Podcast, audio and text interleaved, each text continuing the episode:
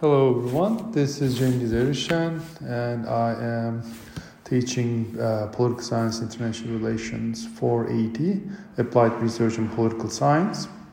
And uh, this course aims to provide the opportunity to apply the substantive nature of research in political science and international relations.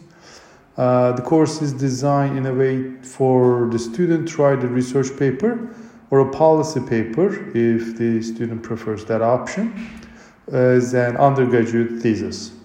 Um, the subject of the paper is up to the individual, and I recommend thinking out of the ordinary to create a genuine and interesting work that will represent uh, what you have learned so far in your undergraduate education.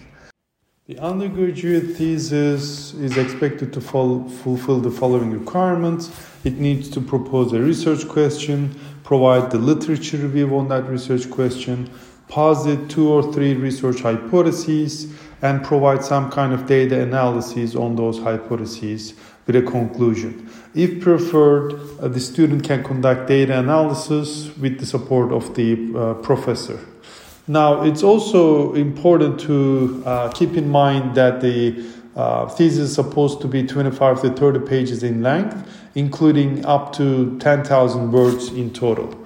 It's also important to keep in mind that the student meets with the professor on a bi-weekly or a monthly manner and keep in touch with the professor uh, from time to time to make sure that he or she is on the right track to complete a successful undergraduate thesis.